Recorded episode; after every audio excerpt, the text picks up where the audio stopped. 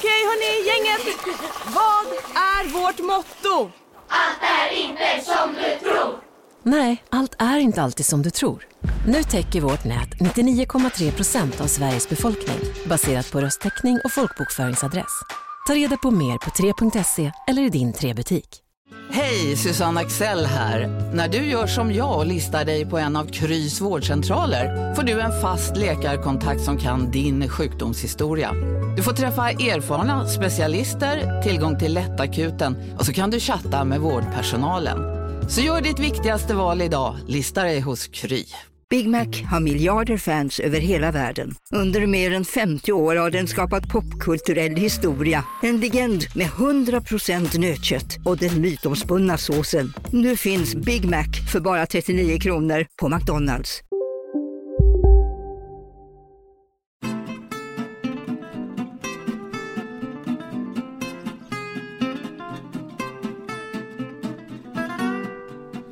Hallå hallå och välkommen till ett nytt avsnitt av Studio Klassiker, tidningen Klassikers redaktionspodd. Jag heter Karl Egerius och idag är vi full styrka. Bredvid mig i den nya poddstudion står Björn Meijer, Hallå hallå! Claes Johansson God förmiddag. och eh, Fredrik Nyblad. Hej. Och idag ska vi eh, prata om Volvos 140-serie. Jag ser att Claes antecknar flitigt här. Ja, Ja, det är mycket tankar. Eh, den eh, övergripande anledningen till detta är att vi precis idag kommer ut med Klassikerguiden 2024 och på omslaget så är det en Volvo 145 1973 i, eh, ja den är inte helt komplett. Det, det plockas isär och det jobbas med den där. Det sitter ingen motorhuv på och det är en grill som är lös och, och så. Och det är alltså projekt Solgul som eh, vi har dragit igång tillsammans med Verktygsboden. Berätta Fredrik. ja det är en bil vi var ute och körde, du och jag Björn. Ja, det gjorde I vi faktiskt. nummer sju säger jag rätt då? Nej, det säger du inte. Nej. Det var i nummer 10. Ja, ja just det, naturligtvis. Ja. Ja, eh, det var ju en, en bil som funkar helt okej, tyckte vi. Ja, men den, den gjorde precis det man förväntas av en Volvo. Den ska alltid funka och, och röra sig framåt och inte svika en. Och det, var den, det skötte den exemplariskt. Sen fanns det väl ett och annat eh, fel på den. Vi skrev ju faktiskt upp en lång lista med saker. För vi var ute och testade den här inför att den skulle plockas isär och eh, börja renoveras. Ja, resan avslutades med att vi körde rakt in i Verktygsbodens eh, showroom och verkstad i Borgstena. Och där började demonteringen direkt. På start. Ja, Precis. Och en av drivkrafterna bakom det här projektet, kanske man kan säga också initiativtagare, är Lars Edvardsson på Verktygsboden. Och eh, han kunde tyvärr inte vara med idag men jag har pratat lite grann med honom på telefon här tidigare och här kommer det.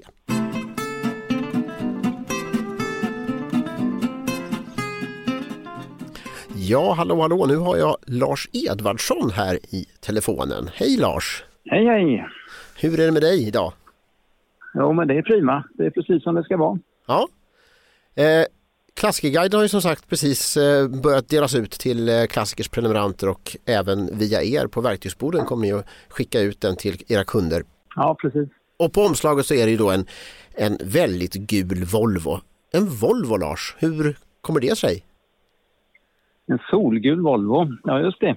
Det kan man ju fundera på men ja det är väl så när man når en viss ålder så blir man mer och mer nostalgisk och eh, när, eh, ja, när jag var barn så hade pappa en sån. En eh, 145 en eh, 73 och sen eh, när jag började fundera på vad nästa projekt skulle bli så började jag drömma om en sån bil. Och eh, jag tror att det är lite grann det här att han tyckte att det var hans absolut bästa bil. Alltså det var något alldeles fantastiskt och den, den var så snabb och sådär. Och, ja, eh, det var de minnena som gjorde att jag började leta efter en sån. Ja, så du har, Eh, du har vuxit men- upp i baksätet på en sån här skulle man kunna säga. kan man säga. Och eh, campat och så, åkt till Öland och eh, bodde i Pixbo då utanför Göteborg och eh, den där bilen lastade vi jättefull och så tre barn i baksätet och mina föräldrar fram. Och sen så kom vi väl ungefär tre mil, så vi kom på 156 mot Ällingsjö där så är det punktering. Vi precis börjat åka och det är ett regummerat däck som gick sönder och så ja, fick vi ju lösa det då. Så att det var äventyr redan på den tiden.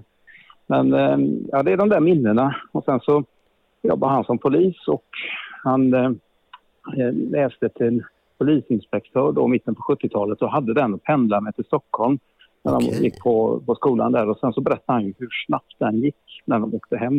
När de skulle hem på fredagarna då. Så det, det är sådana minnen som eh, liksom sitter eh, i bakhuvudet för mig. Var det också en så sån här med dubbla förgasare då eller? Nej, jag kommer faktiskt inte ihåg det. Men den jag tror inte att det var det. Jag tror att det var enkelförgasare på den. Eh, men den var ju väldigt lik fast den var orange istället. Men invändigt var det samma färg som på, på den här solgula då. Eh, men att det var en, en väldigt driftsäker och bra bil. Det är det som eh, jag fick lära mig som barn då. Då måste man ju fråga, eh, var han stoppad någon gång för fortkörning? Det förtäljer inte historien. Eh, Men eh, man kan ju fundera. Fyra Ja. poliser i samma bil och så gick det väl rykten om att, den gick, att man körde så fort den gick. Det är ju frågan då hur fort det gick. Men eh, ja, så är det i alla fall. Men när jag, när jag då hade köpt den och körde hem den ifrån Skåne så tänkte jag ju att det ska bli väldigt roligt att köra den här. Men när jag satt där och tog mig upp för Hallandsåsen så tänkte jag det, det här det kan ju inte stämma. Liksom. Är, det så stor skillnad på att köra en Volvo och köra en Rover från 1973? Jag tyckte att det, att det var väldigt tråkigt. Jaså? Det var liksom, det, det var, ja, det, det, den var så trött. Alltså det var, och skulle jag köra om en lastbil så fick man verkligen ta sats. det kändes inte så där superinspirerande men eh, ja, nu så här långt in i projektet så vet jag ju också varför det inte funkar för den var väl kanske inte riktigt i det skicket som den var 1973 när jag körde hem den för att renovera den. Men berätta lite mer om exemplaret, att det är en kombi som har överlevt. Det är ju bara det lite speciellt. Ja, ja, nej, men det finns ju inte många som jag förstår det. Jag, jag är ju ingen Volvo-specialist på något sätt, även om jag lär mig lite hela tiden och, och liksom får mer och mer kunskap. Men jag har ju förstått att de är ganska ovanliga. Men så har jag ju en, en kollega här då som eh, heter Håkan Jagendal och han är ju specialist på Volvo och framförallt ifrån 1973. Så när jag började fundera på mitt nästa projekt så råkade jag ju bara nämna det för honom. Och sen så tog det ju inte mer än kanske två dagar så hade han ju letat rätt på en bil till mig. Så det var ju väldigt bra. Ja, men, och sen den här, att den har just då dubbla förgasare som jag tjatade om lite tidigare här. Att det är väl det är också lite speciellt eller?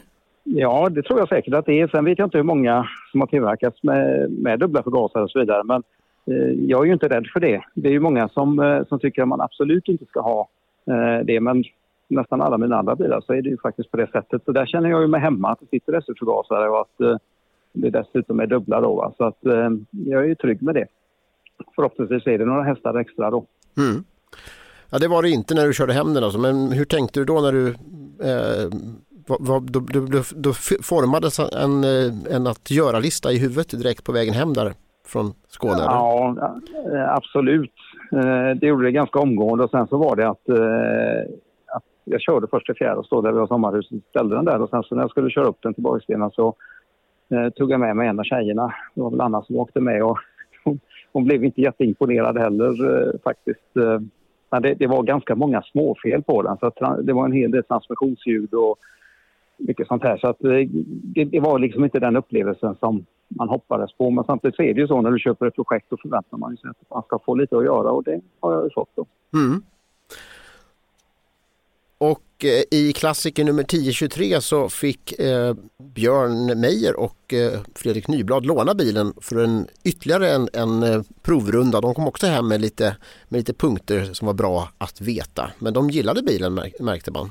Absolut. Nej, men det är ju en trevlig bil och det är ju en sån bil som folk verkligen har känslor för. Så att det är jätteroligt att åka runt med den. Så jag tycker det ska bli väldigt roligt att, att göra det. Mm. Och som sagt i Klassikerguiden 2024 som eh, precis nu i dagarna här börjar nå våra prenumeranter så är det ett långt reportage och då är det liksom starten på det här projektet. Projekt Solgul har vi, har vi döpt det till. Precis.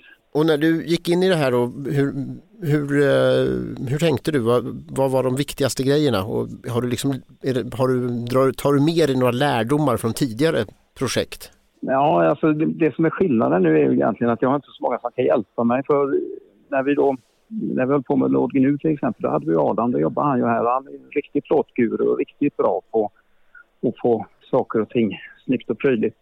Eh, nu var det ju en del rost på den här bilen så då tänkte jag att då får man försöka göra det själv så att jag har gjort efter bästa förmåga. Eh, och lagat den rosten som är. Och sen har vi inte lackat den själva den här gången. Vi har ju möjlighet till det men i tiden fanns det inte så att där har jag också tagit hjälp av en kompis. då Så att det är sådär man får, man får liksom se vad man hinner med. Mm. Men eh, vi kom ju en, en, bra bit i det här projektet i Klassikerguiden. Men eh, eh och får faktiskt, jag vet inte, ska vi avslöja hur, vi kan ju, kan ju ge en liten hint om i alla fall att vi har kört bilen efter eh, att den, ja, inte den är inte klar men vi har i alla fall kört den.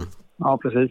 Nej, men det, jag tycker att det var jätteroligt att vi kom så långt som vi gjorde. Att, eh, alltså man får ju ny energi då när man har startat upp någonting efter att det har varit isär. Att man faktiskt får ut och, och ta en liten provtur. Eh, så att, ja, det var härligt att göra det. Mm. Och vad ska hända nu då med projekt Solgul? Ja, nu fortsätter vi och, och eh, montera ihop den. Jag har en del grejer som jag har lämnat på eloxering för att eh, liksom få i på de eh, detaljerna. Lite huvudlås och lite andra saker som jag tycker kan vara käckt. Och sen letar vi. Inredningen är inte särskilt fin så där skulle jag vilja hitta en i bättre skick. Eh, och det är väl lite grann så med stötfångarna också. Där vet jag inte riktigt hur jag ska hantera dem för att eh, de är ju eloxerade som jag förstår det från början och lite anfrätta. Börjar man polera dem så är det svårt att få, alltså jag tror det är svårt att få den här eh, originallooken på dem. Eh, ja, de kanske blir för blanka kanske? Ja, jag är rädd för det. Eh, så där måste man hitta en lösning. Jag har hittat en, en bakre kofångare, den gamla den var bucklig, men jag hittade faktiskt en här ute på en donatorbilen 164 som vi använt i tidigare projekt. Eh, så den var bättre än den som satt på bilen, så den kan jag nog använda. Eh, ja, sen ska ju dörrar och sånt justeras in. Eh, det, det är mycket sådana smådetaljer som ska göras färdigt.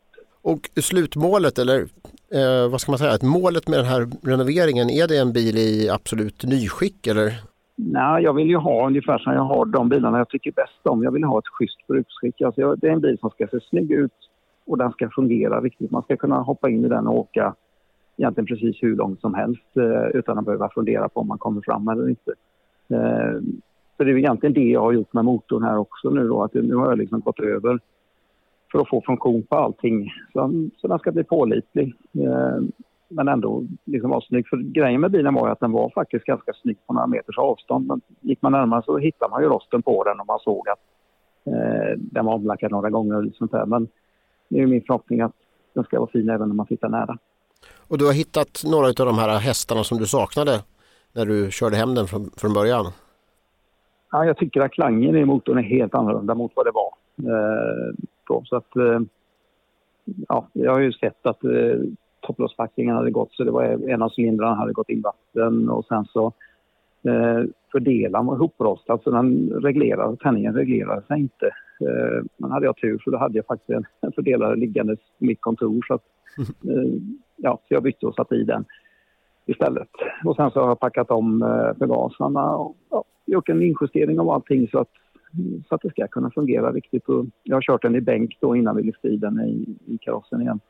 Eh, så att, ja, det känns som det funkar bra. Vi får väl se när den kommer ut på riktigt. Ja, och delar som vi söker till, till det här projektet är ju framförallt inredning då. Det är en brun textilinredning i den. Ja, precis. Det finns ju eh, en kod där, men jag kan inte den i huvudet. Eh, det fanns tydligen lite olika bruna. Eh, men är det någon som har så får ni gärna höra av er. Och det är förarstol och passagerarstol och även baksäte som, som är intressant, eller? Ja, det är det. Och sen även, eh, det ligger skydd över hjulhusen som är som matte kan man väl säga. Eh, de är också ganska fula och i bagagen är det också rätt slitet. Men där har jag sett att man kan köpa ny matta så det är möjligt att, att jag gör det. Mm. Hur är det att få tag på delar annars till en, eh, att renovera en 145? Ja, men vi är ju bortskämda eftersom vi ligger i, i trakterna runt Brås. Så att här finns ju flera stycken som pysslar med, med försäljare till de här. Så att jag tycker väl att, att det finns ju nära, det är enkelt på det sättet och det är väl kanske det som lockar mig nu eh, att prova någonting annat än att hålla på med de engelska. Men sen tycker jag väl att när jag har köpt delar till mina engelska bilar så är det kanske mer kompletta enheter. Så den MG V8 som vi byggde med, med familjen för några år sedan köpte man grejer till den så var det liksom färdiga kit. Man behövde inte sitta och plocka ihop allting. Utan skulle man ha nya bromsok, ja då följde bromsbeläggen med och de här monteringssatser och allting sånt. Det var liksom i ett kit. Men här har man verkligen fått ta tungan rätt i munnen och beställa precis det man, ja det som går åt för annars så står man still. Så har man inte det. Okej. Okay.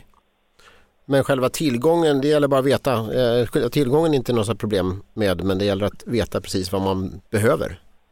Ja, man får vara mer påläst liksom, och, och, verkligen gå igenom. Har jag beställt allting nu? För det är ingen som hjälper dig att tänka. Utan det får man göra mm. själv. Och eh, det här projektet kommer man då kunna läsa om i Klassiker fortsättning under våren här och sommaren. Eh, och kanske ännu längre än så, det vet vi inte. Och sen så kommer man att också kunna få titta på det eh, i påsk. Precis, Restoration Show. På Elmia-mässan, vad är Restoration Show för någonting? Ja, det är ju där man gör det man, eh, alltså, det man hade tänkt göra i garaget under påsken, det kan man lika gärna på mässan. Så att vi försöker inspirera Eh, de här bilklubbarna då som normalt sett ställer ut på mässan att man tar med sig ett projekt också och jobbar med det.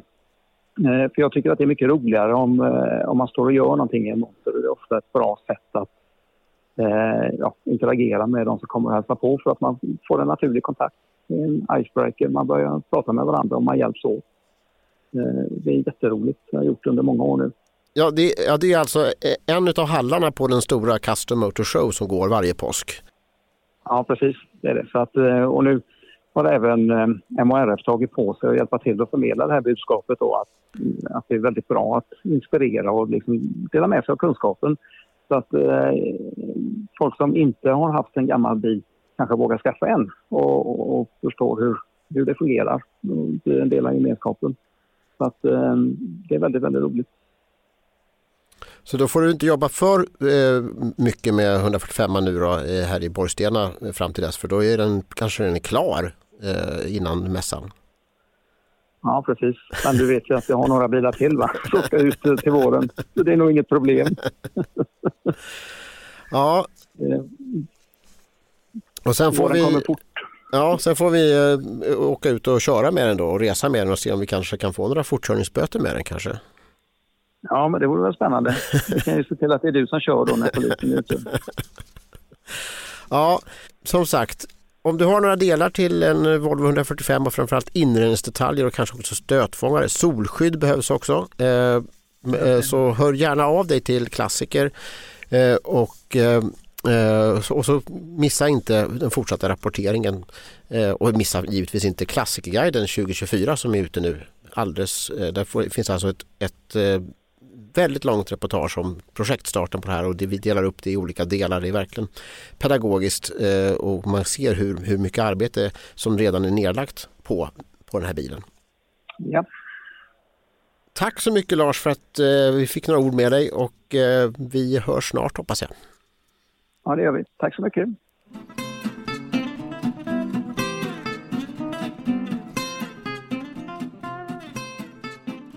Ja, eh, barndomsminnen, det har vi väl kanske alla från, från eh, den här Volvos 140-serie.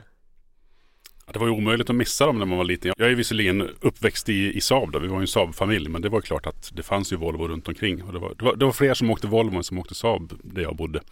Så att, eh, nej, men de finns ju absolut kvar som, som minnen. Och sen så också så när man blev lite äldre så var de populära ungdomsbilar. Eh, jag känner mig lite bestulen på den barndomen för att eh, mamma och pappa hade en 145 när jag föddes. Men sen så Falun där jag är uppväxt lutar ju åt väldigt mycket håll och i en av de här eh, backarna så tappar de styrförmågan, styrfunktionen försvinner. Eh, och det tyckte de var så läskigt så att de eh, bytte raskt till Mercedes. Oj. Så att jag håller med dig Björn, flera av mina kamrater när jag pluggade hade ju 140 bilar som jag lånade flitigt. Så det, det är som ungdomsbilar känner till dem mer. Ja, jag avskydde dem grundligt från allra första början faktiskt. Ända sedan jag var liten så har jag tyckt illa om Volvo 140. Det var, eh, var den första Volvon du köpte? Det kan vi ta sen. Men anledningen egentligen kanske inte så mycket bilen som sådan utan min pappa hade ju Saab och vi var ju en Saab-familj. Fast han bytte ju aldrig bil. Så, liksom argumentationen för att Saab var ett förträffligt bilmärke blev ju klenare för varje decennium vi hade den där gamla bilen. Men hela min släkt var ju Volvo. Det var 100% Volvo och det var nästan på de här släktträffarna vi hade då ganska ofta så var det nästan en mobbing-situation åt min pappa kommer jag ihåg. Mm. Så, så i det, allt det här så, så väcktes ett grundligt hat mot allt som hade med Volvo att göra faktiskt. Om jag ska vara ärlig. Eh, för de gick åt honom ganska hårt. Eh, att, att köra så, och, och ju hårdare de ansatte min pappa och mamma och därmed mig, desto liksom mer ställde jag upp, eh, reste jag flaggan för Saab givetvis. De gjorde dig en tjänst för det, annars skulle kanske inte du skulle drivit Saab Cars Magazine.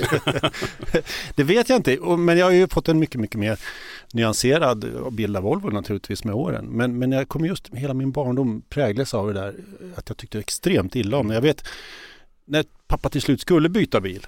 Eh, konstigt, det är alltid papporna som byter bil. Ja, Det är, det är aldrig mammorna. De, de finns liksom inte de där situationerna. Ja, det var någon, I mitt fall var det nog mer mamma. Var det så? Ja. Nej men då, då, det var ju självskrivet, vi skulle ha en Saab. Vi hade ju alltid haft Saab. Men på något sätt så fick pappa för sig att vi åker ner till Karlberg så provar den där andra eh, bilen, vad det nu var, en Volvo. Och ja, motsträvigt så följde jag med men jag tänkte det här kan ju, det kan ju gå käpprätt så att jag måste ju styra upp det här. Så att, och jag kommer så väl ihåg när vi kom ut där på, på landsvägen, jag satt i baksätet och jag bönade och bad pappa, du får inte köpa den här bilen. Jag tyckte så genuint illa om den. kommer du ihåg något mer om exemplaret? Var det Ja, det var, ja, det var en, en orange 140 vill jag påstå. Och jag, men jättevidrig klädsel. Och jag satt i baksätet och jag kommer ihåg den här vibrationerna i bilen. Som jag, den här hela svängningstalet gick liksom inte in i mig. Den, den bara jag spjärnade emot. Jag tyckte den var hemsk. Det var ju faktiskt ganska hårt, eh, Saab Volvo-kampen där. Eh, mycket, mycket hårdare än vad det har blivit sen. När folk tycker att det är helt okej, allt känns det som. Och det är så skönt att det kan vara så. Ja, tycker det jag. tycker För jag jag, jag tröttnade in lite på det där, den där ständiga motsatsförhållandet. Och jag får ju det där upptryckt i ansiktet än idag. Ja, men bara för att jag älskar Saab så ska jag tycka illa om Volvo. Det, jag förstår inte det, för det finns ju underbara Volvo-bilar. Okej, så det finns kvar alltså? Hatet. Motsättningen?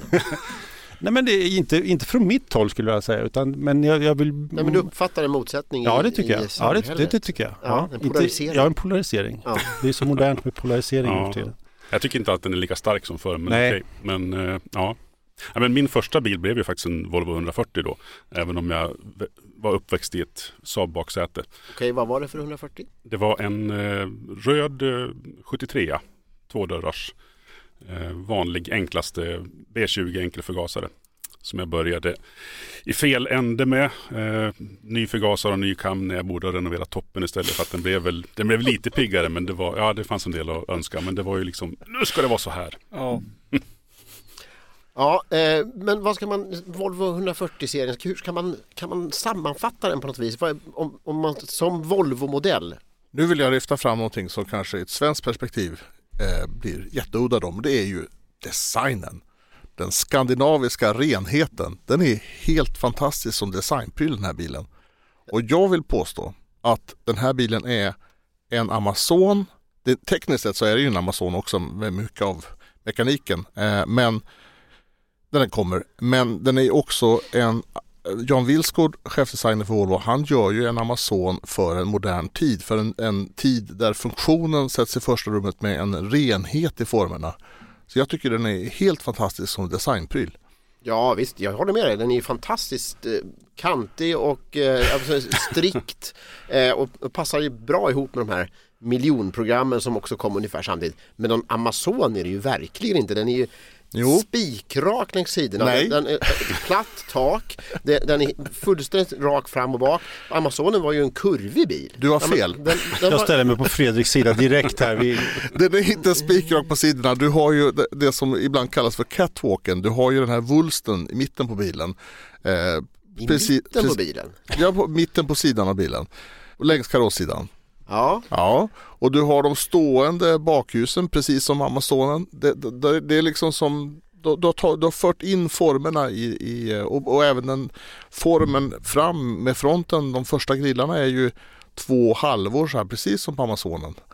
Det, det är genialt. Man pratar ju mycket idag om att, att när det kommer en ny generation bil så ska den ju se likadan ut som den förra. Fast ändå inte. Och det, det är precis det som Volvo gjorde. Men Ja, alltså det är ju den skickligaste förflyttning av ett formspråk som någonsin har gjorts vill jag påstå. Det är ytterst elegant och du har ju inte en aning om vad du pratar om Karl. Det, är ju Amazon rakt igenom. Nej men eh, Fredrik, han har ju bläddrat upp sin bok här så han är ju en auktoritet inom detta givetvis. Han har ju skrivit bok till och med om Volvo 140. Eh, Jag är mer en amatörspanare då men, men jag håller ju med dig fullständigt där. Eh, Just det här när man förde in nya element på ett väldigt elegant sätt. Det, det, det ljusa, för det var ju, det var ju inte Amazon, den var ju mörk och Ja. lite instängd Ja, det är nästan. ju små rutor på Amazonen. Den är ju en jättehög midjelinje på den. Man, sitter ju, man ser ju näsan som bäst på den som kör. Ja men de plockade just de där eh, igenkänningsbara detaljerna och alltihopa och formspråket men just lyfte in den nya tiden. Mm. Det ljusa, det luftiga och ja, det är en väldigt elegant eh, nytolkning av Ge mig Amazon. mer exempel. Jag, jag tror inte på det här. Ja men du behöver inte ha så många mer. Du har proportionerna, eh, måtten och så vidare. Visst den är ju eh, högre och ljusare med större rutor och så här. Men det som Fredrik säger, den här eleganta grillen som är så som smått pennstreck bara. Väldigt snygg. Bakljusen och framförallt den här eh, catwalken eh, som, som Fredrik pratar alltså. Den här Skuldran. skuldran ja. Eh, nej men hela hållningen är ju en, en, en eh, modern ny Amazon. Jag håller fullständigt med. Ja, nu man bör- börjar titta lite grann på bilden här så visst, jag håller med. Men och, om man tittar inuti också så är det ju faktiskt så att då hade ju 140-serien en, en liggande instrumentbräda så att säga. En, en liggande hastighetsmätare, en sån här termometer. Just det. Och det hade ju Amazonen också. Mm. Men det är lite snyggare här, lite mera renodlat. Ja, en, en Ja, av de snyggaste panelerna som har gjorts i Sverige vill jag påstå. För det, det är väl samma som axelavstånd på Amazon och, och 140-serien? Det, det, var ju, det är ju flera modellserier som följer på varandra där det var en viktig grundförutsättning var just det. Var det produktionstekniskt eller att de skulle kunna Jag vet faktiskt inte varför man höll fast i det. Det, det kanske det var. Det, det, det kan det mycket väl vara. Men, men, men det här det var väl ingen självklarhet där med grillen att den trots allt ändå uppfattades som tvådelad i början. Man experimenterade Nej. ganska vilt. Man ville ju göra en ännu mer Amazon-lik grill med djup, som hade djupare hål men det kunde man inte göra av produktionstekniska skäl. Har Gunnar Falk som, som var designer på designavdelningen berättat för mig. Så att egentligen så skulle den bli ännu mer Amazon. och man fick ta hjälp av Renault. Eh, för de var duktiga, som vi vet på Renault 16, att, att eh, pressa den här typen av grillar i, i lättmetall. Ja, okej. Jag ser den som eh, att Volvo fick, det här är min efterhandskonstruktion naturligtvis, jag vet inte. Men jag ser det som, eh, som ett Volvo med mer eh, självförtroende och som står mer på egna ben. Eh, för PVn då förresten om man tittar på 30-talsbilar och så vidare men också PVn så var det ju väldigt mycket USA-influerad design. Ja, verkligen. Eh, Amazonen sneglar man ju inte så lite på, på Italien. Eh, Men här känns det som att ja, men nu, är vi, nu är vi ett självständigt bilföretag och nu gör vi som vi tycker i en skandinavisk tradition och i en eh, tradition av, ja, ska vi kalla det ingenjörskonst någonstans också med, med miljonprogrammen som växer upp och rationalitet. Ja, jag tycker den är ju en del av, av en hel våg av skandinavisk design vad som gäller glas och tyg och prylar som hjälper handikappade och plastföremål för köket. Allting så är 140 en del av det. Men just de tidiga är ju, de är ändå lite mer finstilta tycker jag. jag har, det, är, det är de här ergodesignen som jag har lite svårt för. Det var en sån jag blev satt i baksätet eller och stirrar på den här fasansfulla instrumentpanelen. För det är någonting med den där som, den liksom in your face. Den första panelen är ju väldigt elegant. Och tittar man på dörrhandtag och sånt där så då städar man ju bort de där grejerna och så kom det här förnuftiga eh, grejerna in ganska omgående och det blev lite tjockare och lite rejälare på något sätt. Men de här finstilta 140 detaljerna är ju ljuvliga med, med små lister och vad det nu kan vara. Du kan ju det där utan till naturligtvis. Men bara dörrhandtagen är ett exempel på det här med att det skulle vara rejält och, och hållbart på ett, på ett synbart sätt. Jag tror att de här första dörrhandtagen som är väldigt mycket snyggare i mina Mm. ögon Jo. var lika bra de Mm. säkert. Och de, ja nu, jag börjar hålla med här nu. Ja. Jag börjar titta här. Liksom. De, de anknyter ju också till Amazonens form Ja. och hur de sticker ut sådär.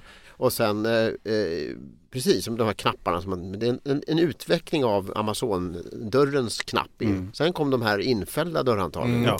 Vi pratade om, om Volvo som att man, man var mer oberoende och stod på egna ben formmässigt. Men just dörrhandtagen var ju en del av, av en av de krav och de idéer som kom på 70-talet om säkerhet att, att dörrhandtag skulle inte sticka ut. Så det, det där, där, där, hade man öronen ut och det var ju någonting som som, som diskuterades och genomfördes på, på många bilar då. Ja, men I den svenska designhistorien just vid den här tiden så var man ju väldigt fixerad vid just dörrhandtag faktiskt. Det, om man tittar på exemplet från Trollhättan där, de jobbade jättemycket med dörrhandtag och kanske inte alltid så himla vackra men det fanns någonting logiskt över det. Man skulle kunna titta på dem och förstå dem. Mm och dra i dem och allt skulle kännas tryggt och bra och säkert i vardagen. Det var inte alls som en italiensk tillverkare som på något sätt ändå hade samma krav på sig om krocksäkerhet och, och säkerhet överhuvudtaget. Eller brist på krock. men men de gjorde allt för att göra små konstfulla dörrantagen även de här lite bistrare tiderna.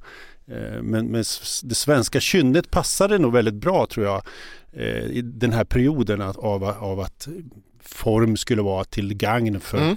för vardag, för vanligt folk, för en, god, en, goda, en god design. Men det var ju inte alltid särskilt snyggt. Alltså det, det kan man ju konstatera i efterhand att det var lite, lite förnuftigt, förnuftigt på något vis ändå. Och det blev mer av det ju längre tiden gick ja. fram till 74. Man skulle verkligen se vad man skulle slå sig någonstans om man krockade. Det var väldigt viktigt att visuellt eh, markera det. Och... Ja, det var mycket prat om vadderade instrumentpaneler. Ja, det är också som sånt... att hjälm på sig man hoppar fallskärm. Ja, ja, precis. Det är också sånt säkerhetstänk som vi har svårt att förstå. Den som pratar om det har prövat att åka in i en, en sån instrumentpanel i, i ett antal, bara kanske 10 km i timmen så skiter du nog i om den är vadderad eller inte. bara, bara inget sticker ut. Mm. Mm. Nej, men som Fredrik säger, lagkrav kommer ju. Eh, en annan grej som, som vi har skrivit om tidigare var ju strålkastarengöring. Just det. Som ju också påverkar hur, hur bilarna såg ut. Eh, det, blev, det kom ju krav på att det skulle vara spolning och torkning. Vilket ju inte minst syns på, på Volvos 73 er mm. eh, som ju har väldiga ögonbryn. Just det, precis.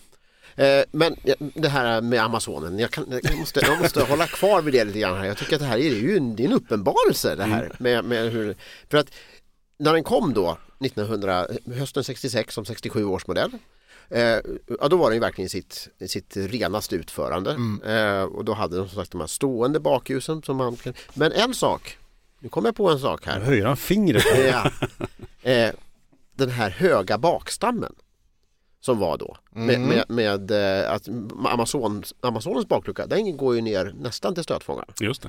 Ingen ja. lasttröskel. Nej. Medan eh, det här som man måste hiva över hela vägen upp i en 140 eh, bil och det fortsatte ju långt in. Det var ju, det var inte, det var ju hela 240-serien var ju också hög lasttröskel. Även om ja, det var ju igen.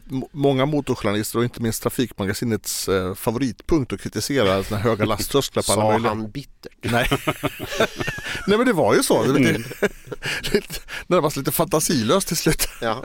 men, nej, men, men som sagt, de, när han kom så hade de här stående bakljusen, de hade den här delade grillen, de hade den utstående dörrhandtagen, den liggande instrumentpanelen. Eh, men sen försvann ju, de tvättades bort. Amazonen tvättades bort för varje årsmodell. Eh, det tog eh, den här grillen, det var väl det första då, när det kom, då kom det här eh, tvärslån. Det var väl på 71orna. Eh, den fanns för kvar på de billigaste 140-serien. Eh, ja, på basmodellen. Precis. Basmodellen fanns den mm. kvar, den gamla. Är det den så kallade visselgrillen? Nej, Nej. Vilken är och det? det är inte grillen. Nej. Har jag fått lära mig. Utan det är listen som sitter på motorhuven. Ja. Motorhuvens framkant. I och för sig hör den till grillen då. Men, ja. men, eh, och ännu mer så på 240 i de första årsmodellerna. Eller ja. Var, ja. ja, jag tror det. Mm. Eh, men som sagt, så, då, då försvann det här med, med grillen och sen så blev det då eh, 73 var det första årsmodellen med de här liggande bakljusen. Ja, ja precis. Mm. Hemska. 72 fick den väl de infällda handtagen om jag minns det, rätt. Just det. Jag, jag, jag, tittar här nu på, på en, en, bild på en lermodell av, av 140-serien och där har den ju faktiskt liggande bakljus och någonting som ser ut som ett streck. Så där, den kunde ha fått en, en, en baklucka som gick ner längre. Kanske om jag får tolka det här strecket här. Ja, vem vet? Mm. Och vad som blev eller inte blev. Men då sa de bara nej det är inte tillräckligt mycket Amazon. Precis. Så det Men man kan, ju, ja, man kan ju tänka sig att det var så enkelt att det var säkerhetsaspekt tror jag. Att du kunde få en kaross mycket, mycket styvare och, Ja. och stadigare och mer krocksäker om den var en, en sluten balk längst Mm, bak. mm. Det, det ingick i den här omsorgs eh, designen, omsorgstanken på något sätt eh, som, som Volvo 140 verkligen representerar. Precis, och om man glömmer att stänga bakluckan då ramlar ju inte lasten ur lika Nej. Nej, precis. Det är också väldigt omtänksamt. Ja, Mm. När man sitter där med sitt ryggskott. precis. Ja, nej men eh, så, så det närmar sig stegvis så närmar sig 140-serien så närmar den sig 240 då. Kan Mm. säga. Och inte minst då eh, när, när den får en, en, när man bygger om hela bakvagnen och för att få placera tanken på ett säkrare sätt. Eh, och när den får den nya instrumentpanelen som hänger, också hänger kvar till 240-serien.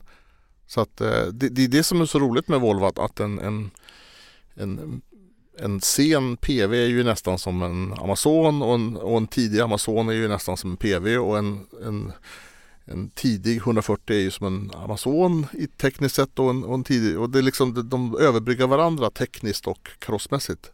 Ja, var det, var, det, var det en resursfråga? Eller var, det, eller var det att man inte riktigt vågade ta ut svängarna och så att kunderna skulle bli rädda? Jag, nej, jag tror att vad jag har hört ett antal ingenjörer och eh, andra eh, Volvo-anställda eh, säga så handlar det om att det fanns inte mer resurser. Det fanns inte mer ingenjörsresurser att göra allt på en gång.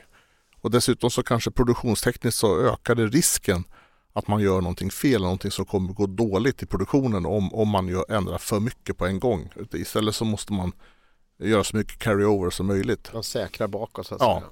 Mm. Ja, eh, den här just eh, 73 års modell har ju i alla fall på senare tid verkligen framhållits som så att säga eh, toppnivån på 140-serien. Det var när den hade fått den nya eh, moderna instrumentpanelen och, den här, om, och sen så hade den då, eh, men det var innan de här enorma stötfångarna kom som kom på 74 års modell. Jag vill nog påstå att redan som ungdomsbil så var det den som det jollrades mest om. Det var den ultimata årsmodellen. Var det de här lite modernare färgsättningen också som gjorde att, men för att de första, som Ja. sagt, de, var, de var ju väldigt svala de första 140 bilarna med, men det var benvitt och det var Beige. svart och det- beige. Min var beige. Jag Ja. skulle vilja komma med en hisnande jämförelse här nu. jag tror att alla som lyssnar på det här har väl sett bilder på Beatles i sina tidiga år. De har lite långt hår kanske men de har kostymer och de är, de är mörka kostymer och sådär och ser väldigt, ja, som snälla gossar. Så går det bara några år så är de i väldigt färgglada kaftaner och Så grejer. att eh, 140-serien började med droger alltså? Nej, och de började med kaftaner kanske men, men, men framförallt om man tittar på, på Var reklam. Vils- Vilsgård i Indien? Nej, nej, men i Italien. Ja, det, man, det, det finns, kom de med LSD någon gång? limited slip diff. Ja. nej, jag vet inte. nej, men det här gäller ju inte minst reklambilderna. De är ju väldigt mycket propra människor som ser ut med, med kvinnor med svinrygg, sån här konstig hårfrisyr och, och, och de ser ut att vara ute på väg till någon bal och sen så och det är svartvita pressbilder och, och broschyrbilder men sen så på 70-talet så är det ju mycket mer Utsvängt? utsvängt kan man säga både på hår och kläder och allt möjligt. Kragar och Ja. byxor och, Mm. ja, Nej, men det, och det, det, är mönster. en, det är en spännande tid det här sena 60-talet och början på 70-talet. Det händer väldigt mycket. Men Det går ganska fort Det också. går väldigt fort Mm. till och med. För att jag menar i klädslarna på de här bilarna också. Absolut. Mm. Absolut. Nej, men, eh, även om jag nu hade min första bil var just en 73 så tycker jag att de här tidiga 140 är mycket snyggare nu. Det, det är de jag tittar på om jag tittar på 140. Mm. Eh, men det är ändå fascinerande att den här nätta, rena, tidiga 140 kunde bli den här eh, trippade Ja. Volvon som var sen. För det är ju samma, samma grund. Ja, det finns lite skillnader i, i vissa pressningar naturligtvis. Eh, men ändå så är det ju väldigt mycket samma sak fast man har bara styrt ut den annorlunda. Och det hänger ju fortfarande ihop även om eh, Claes inte tycker att eh, det är så snyggt och inte jag heller kanske på vissa alla fronter. Så, så börjar man ju med samma sak. Och Men, alltså, byter kanske- delar och adderade delar. Ja, Men det säger någonting om, det, om storheten i grunddesignen och Ja. Vilsgårds grundjobb där. Att, att den lånar sig till det här, det här utvecklandet som Precis. inte alltid kanske var eh, så genomtänkt eller eh, att man hade så stora tankar bakom utan det var en ständig industriprocess som Mm. pågick. Mm, ja, att man adderade, man ändrade för det, var, det, det, är så, det är så bilindustrin fungerar. Mm. Ja, och Vesgård kunde nog inte i sin vildaste fantasi tro att själva grundformen och och större delen av karossen överlever till 1993. För, det, för det är ju inte bara så att den, den lånar sig till de ändringar som görs på 70-talet utan det, det är ju stora delar av karossen är ju den som blir 240. Det är ju internt inom Volvo så var ju 240-serien inte en ny modell utan en årsmodellsändring. Mm. Eh, så det, och det är ju tack vare någon slags den här formen på grundkarossen som att den, den, den funkar. Ja, man borde använda den som undervisningsexempel på designhögskola om man inte redan gör det. Men jag tror inte det, för den är lite bortglömd. Den är lite sådär inskuffad någonstans mellan Amazonen och 240 eh, på något vis ändå. Att det är någon slags betraktas som en mellanmodell, vilket är lite ledsamt kan jag tycka. Det håller ju på att ändra sig naturligtvis. Men eh, jo, växelspaken Karl, Ja. nu kom jag på det. Du pratar om Amazon, Ja. den här underbara växelspaken som är så lång och så kromad och så vacker och framförallt så behaglig att, att eh, umgås med. Mm. Det är så jag minns min 140. Nu har du nu har, vi, nu har du antytt flera Mm. gånger att du har faktiskt Ja, jag märker att ni inte vill ta in 140. detta Ja, faktum det, att det är jag- så stort faktum. Så Ja, för mig är det väldigt stort för att jag ville verkligen ompröva alltihopa, min, mina traumatiska barndomsupplevelser. Då, att jag ska ge den här bilen en chans. Eh, och jag ville ha en tidig, jag ville ha en beige och den fick inte kosta för mycket. Och så köpte jag en eh, sån. En, eh, den har väl haft två ägare tror jag. Någonting. Vad var det? 68 tvådörrars. Jaha. Eh, med lite sådär konjaksfärgad väldigt vinylig klädsel för den är fullständigt oförstörbar den där. Man glider runt på den. Ja, men en, en, en fantast, ett fantastiskt exemplar. Jättefin. Jag vet inte hur länge hade jag den? Ett år kanske? Sen sålde jag den. Jag hade helt rätt när jag satt där i baksätet som barn. De är inte roliga. Jag, jag, tyckte om, jag tyckte om att sitta i den. Jag tyckte om att anlända i den. Eh, jag tyckte om att plocka upp folk i den. När man öppnar den här fina dörren och, och sätta sig i de här vackra stolarna. Men när man skulle köra den, där tog, där tog jag slut. Vi, vi pratar inte samma språk, den där bilen och jag, överhuvudtaget. Kan du, kan du bryta ner det här Ja, men då, jag återkommer till vibrationerna. Det är möjligt att de eh, exemplar jag åkt i och kört och så vidare har varit fel exemplar. Men den har inte det där svänget som jag vill ha. Den, den, den, den går inte in i min astralkropp överhuvudtaget. Utan jag känner ett starkt, starkt fysiskt motstånd. Jag tycker genuint illa om dem. Men jag älskar dem ändå på andra vis. Just Ja. den här stilen, Mm, det mm. svenska, eh, alltihopa det där älskar jag. Men jag kan inte tänka mig att äga en igen eller köra en sådär och fastna för det. Så som jag beundrar Fredrik, han, han hänger sig åt de här bilarna på ett fantastiskt sätt. Jag, jag gör inte det och det känns jättetråkigt. Jag vet inte, jag har kanske för lite fantasi eller vad det nu är. Men det är någon, någon känslomässig aspekt där. Som jag, för allt det där hittade jag i Saab V4 sen. Mm. En bil som andades i takt med mig själv och jag kunde ligga och köra den på vinterväg och jag kände mig helt, helt anpassad i hela situationen, universum, allt spelade, det sköljde igenom kroppen, jag var hemma, jag var lugn, jag var glad. I den där Volvon då kände jag mig alltid lite till illa, illa till mods. Det var någonting som skavde vad jag än skulle med den här bilen. Jag, tror- jag tror ändå att vi måste stoppa Claes i en, i en eh, väldigt gul 145 här. framöver. Ja, men- men jag- ja, men jag- för att, för att utmaningen, en av utmaningarna med det här projektet Ja. eh, är ju faktiskt att återskapa den här känslan, precis som Lars säger Ja. i intervjun här, att han minns hur hans pappa verkligen Ja. älskade den här bilen Mm. och Ja. körde den hårt och, och, och liksom berättade hur bra den var. Det var hans bästa bil som han har haft. Ja. Men, men eh, och, och, Lars ambition med den här är ju att återskapa den Det känslan. där är ju livsfarligt att ge sig in på den där vägen tror Ja, jag. fast- Men spännande. Men, men han, ja, vi, i första steget nu så, så är det ju att vi ska få i ordning på den, eh, den här mekaniken och så som fa, fr- från 1973 får den att gå så bra som möjligt. För det är ofta så som du eh, är inne på Björn där med att, att eh, ja, den går lite dåligt och då, då gör jag det som är fränt, jag byter kam på den. Ja, visst, ja, ja, Liksom, men jag börjar i helt fel Ja, ordning. istället för att faktiskt återställa den till originalskick och sen börja bygga ungefär som att man börjar renovera ett hus och börjar med, med att byta ytterdörr när rest- resten av, av eh, för att den är omodern. Man har istället kunnat renovera ytterdörren Mm. till, till den glans som den hade när, när, när, när den var ny. Så hade man kanske eh, fått en helt annan känsla.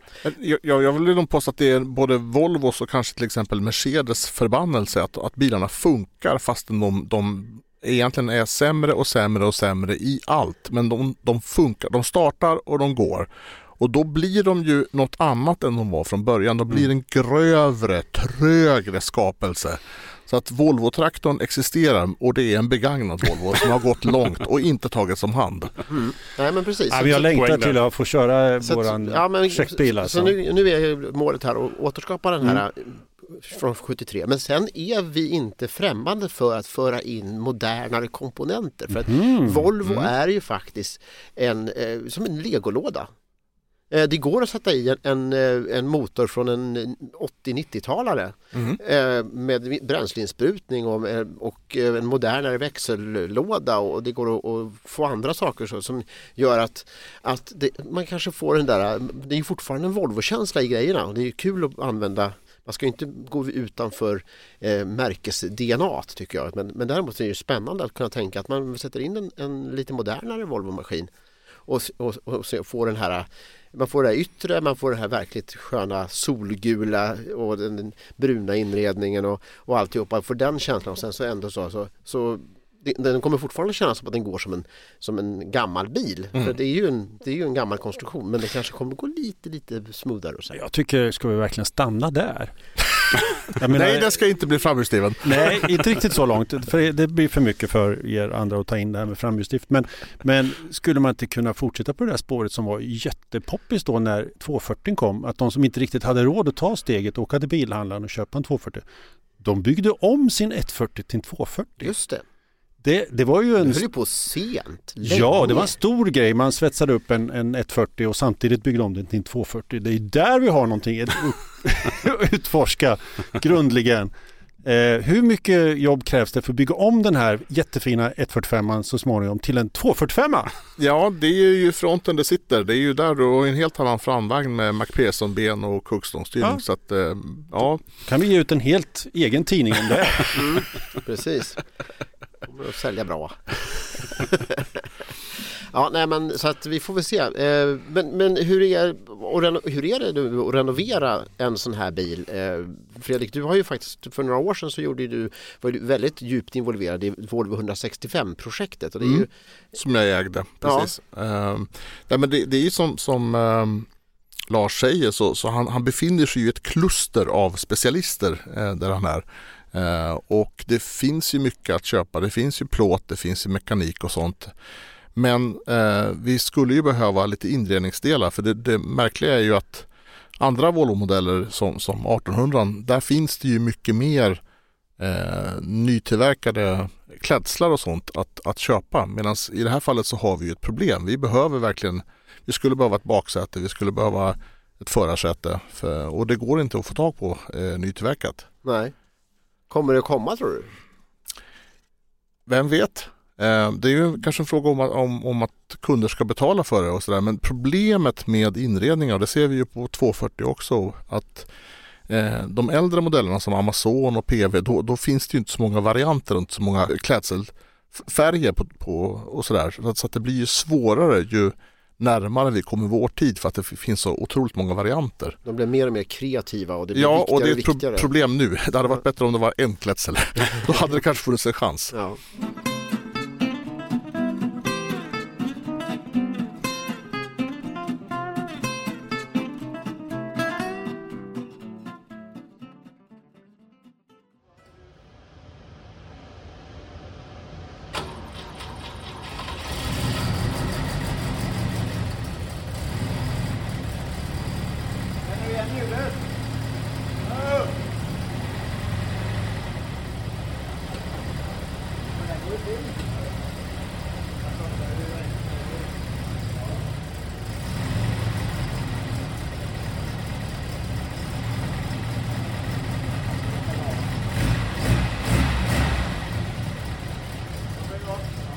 Ja, det ni hörde där var alltså första gången vi startade motorn efter eh, att det här projekt Solgul började komma i, ihop igen.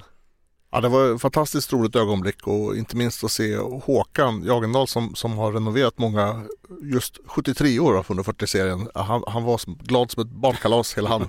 Ja, den där glöden i blicken när, Ja. när, när, när man, vrider, man gör något sånt vardagligt som får, människor gör varje dag i, överallt i hela världen. Man gör själv tusen miljoner gånger.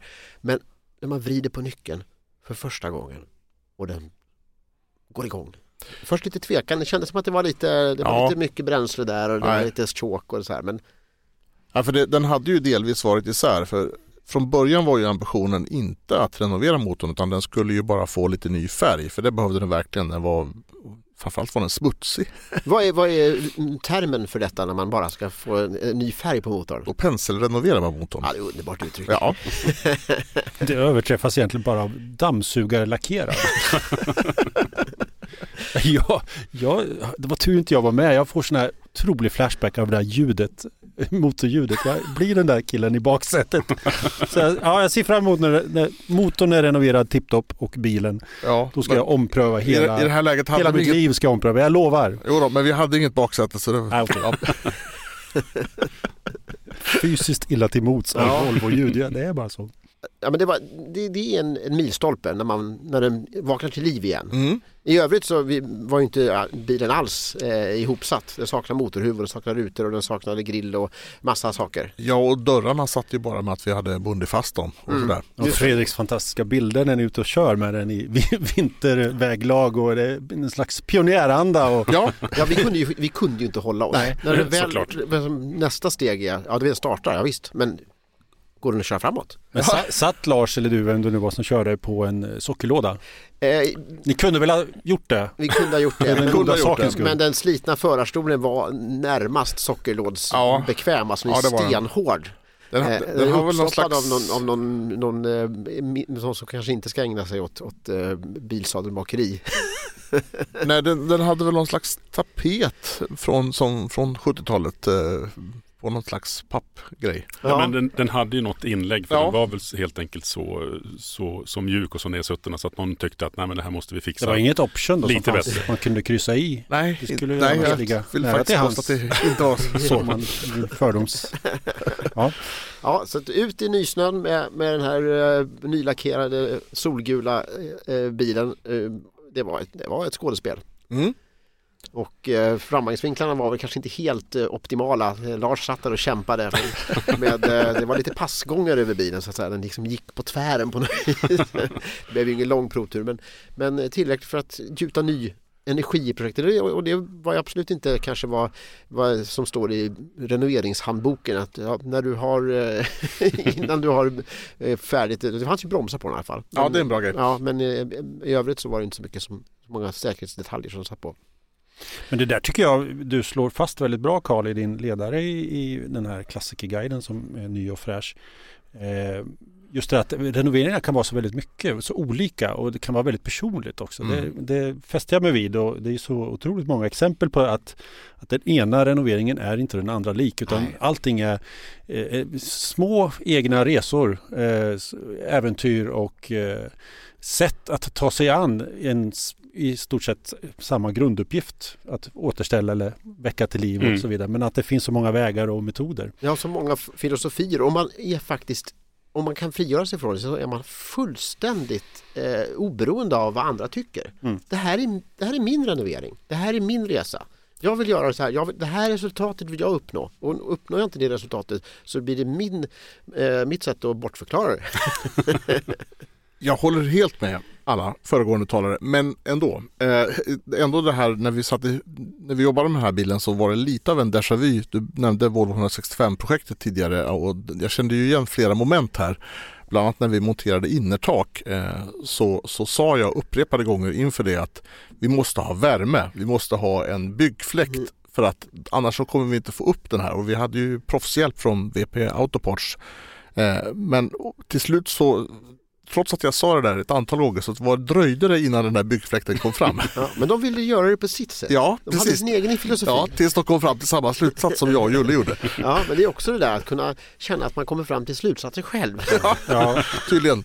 nej men det är ett ständigt växelspel mellan den egna prestationen i det tysta hemma i garaget, den där envisheten och, och, eh, att man misslyckas och gör om och gör om. Till det här att det är en kollektiv uppgift, att man mm. måste någonstans plocka in polarna eller polarnas polare att, att experthjälpen finns där ute. Mm. Och i det mötet och i de eh, tillfällena så ja, men det kan uppstå vänskap och eh, man träffar nytt konstigt folk som man inte hade mm. träffat. Och en artikel som jag fäste mig vid var ju den här renoveringen av en Rover som hade, var utsträckt över väldigt lång tid och det var olika filosofier och alla hade egentligen samma målsättning när man väl började och oftast plocka ner den. Det var väldigt mycket plocka ner och sortera i lådor under årtionden. Och man får följa den här bilen då som är speciellt personlig för dig då Karl i och med att det var din pappa som hade den i ett tidigt entusiaststadium där. Han som plockar ner den i lådor. Ja, och det är inte illa. Det är inte fyskam. Det är, bilar ska plockas ner i lådor vid något tillfälle för då blir de kvar på jorden och så vidare. Mm. Men, men eh, just det där att även när en bil är färdigrenoverad det är då det börjar. Det är lite jobbig insikt kanske och jag själv är drabbad av det där i hög utsträckning med mina projekt. Att det, det, liksom, det tar inte slut bara för att man har vridit om nyckeln den där dagen och fått igenom den genom besiktningen. Och att skriva om det och inse det och, och också hitta att det faktiskt kan vara ganska kul. Ja. Det, det, tycker jag är jätteviktigt att påminna sig att allt, allt blir verkligen inte klart bara för att det är klart. Verkligen. Och Per som har den här bilen då, han köpte den, eh, då var den renoverad. Ja. Eh, då hade den passerat, eh, det är också så här, det är ganska fantastiskt att en bil som plockas ner i lådor på 60-talet fraktas mellan olika garage mm. på 70 och 80-talet köps av en, eh, eh, ny kraft, köper lådorna och alltihopa. Du vet den här typiska hämtresan när man kommer med släpet och så jaha jag tror jag får åka två gånger för det var mycket mer. En bil tar ju så otroligt mycket plats när den är särplockad. och sen så eh, och sen så gör inte han heller i ordning bilen utan säljer den vidare till en tredje person som också gör det här lasset och alltihopa. Och faktiskt eh, sätter ihop bilen, renoverar och får den körbar. Och sen köper Per den eh, och, eh, och förädlar den. Men han, vill liksom, han har verkligen, där är en filosofi. Han vill inte att den ska bli stående. Mm. Han bestämmer sig för att den här, inför den här sommaren så ska det här ordnas. Mm. Och det kan vara eh, att man vill komma underfund med varför den överhettar och det kan vara med bromsar och det kan vara med, med klädseln eller olika saker. Eh, men att den ska, ska vara klar till varje sommar för att man vill ha den där energin av att köra med bilen. Mm. Och, och, så här.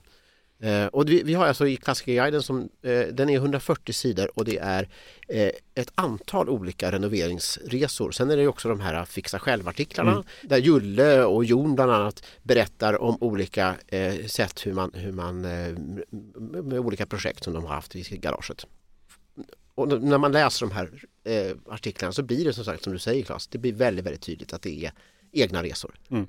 Eh, det var eh, en annan sån grej, det var eh, Anders och Gustav, pappa och eh, son som eh, tillsammans satt, fann ett projekt bakom det egna garaget, en gammal Golf GTI som de tillsammans gjorde i ordning och satte upp ett, en, en en tidsplan och en, en, ambitionsnivå och sen så följde de den och gjorde något ihop. Mm. Ja, de behövde ju inte ens, inte ens åka och köpa ett Nej, eh, objekt. precis. De kunde bara, det var Anders gamla liksom, bil som han hade, mm. de hade kört med som bruksbil och sen så, så hade den eh, blivit stående och Gustav tyckte att nej, nu får vi faktiskt ta tag i den, det är ju en jättehäftig bil. Mm. Vi pratar alltså om Klassikerguiden 2024 som just nu skickas ut till klassikers prenumeranter och som kommer att eh, gå att köpa i vår webbshop. Eh, och den kommer tyvärr inte att säljas i vanliga butiker så den finns i vår webbshop och då kan du nå den på www.klassiker.nu klassikerguiden. Och tycker du att det verkar intressant så har jag ett litet specialerbjudande till dig som är poddlyssnare. Du får nämligen 20% rabatt om du anger koden podd20. Och då undrar du, hur stavas podd20? Jo, det stavas POD 20 eller PODD 20. För jag tänkte att det kanske kunde bli en liten missförstånd där. Så det finns, du kan ange antingen podd 20 med två D eller ett D så eh, får du 20% rabatt. Klassiker.nu klassikerguiden. Ja, idag har vi kommit fram till att eh, Volvo 140 är egentligen en, en förklädd Amazon eller en förklädd Volvo 240 Men Eller- den står faktiskt väldigt mycket för sig själv också. Ja, eller borde ställas ut på Nationalmuseum skulle jag vilja säga som Ja. designföremål. Ja. Ja. Och eh, vi har också avslöjat att Claes Johansson har ägt en Volvo 142. Mm, det är jag stolt över. Mm. Björn har ägt en Volvo 142. Absolut. Fredrik har ägt en Volvo 165. Ja. Och jag har kört sönder en Volvo 144 Nej. i ett tusen kronors race. Vi Aj, köpte aj, för aj. 300 spänn, en, en sån där, precis en sån där som jag skulle vilja ha. En, en tidig, en 68 eller 69 eh, benvit fyrdörrars eh, med automatlåda. Eh, det här var på tidigt 90-tal och eh, det var en sån här tusen kronors race på en folkracebana norr om Stockholm. Upp i, ja, ganska mycket norr om Stockholm. Eh, och eh, Eh, Den här gick och gick och gick tills automatlådan brann upp. och jag vill tyvärr minnas att den var ganska rostfri. Det var Mm. just det här med automatlådan som, som Mm. gjorde att, Ah. att den inte var värd någonting. Nej. Då. Eh, Så att jag, tyvärr, jag har bidragit till att decimera 140-serien. Ja, detta var avsnitt 123 av Studio Klassiker. Eh, tack Fredrik Nyblad. Tack, tack. Tack Claes Johansson. Tackar. Tack Björn Meijer. Tack. Jag heter Karl Egelius. På återhörande.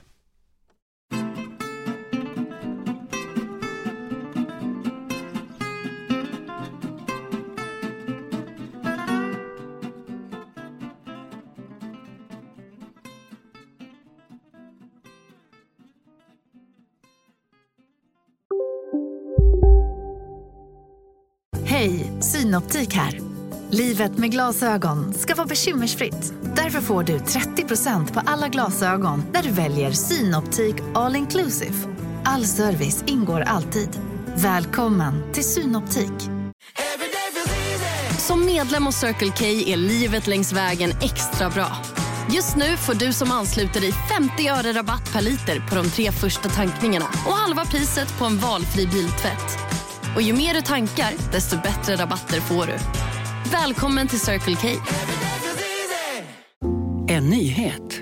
Nu kan du teckna livförsäkring hos Trygg-Hansa. Den ger dina nära ersättning som kan användas på det sätt som hjälper bäst.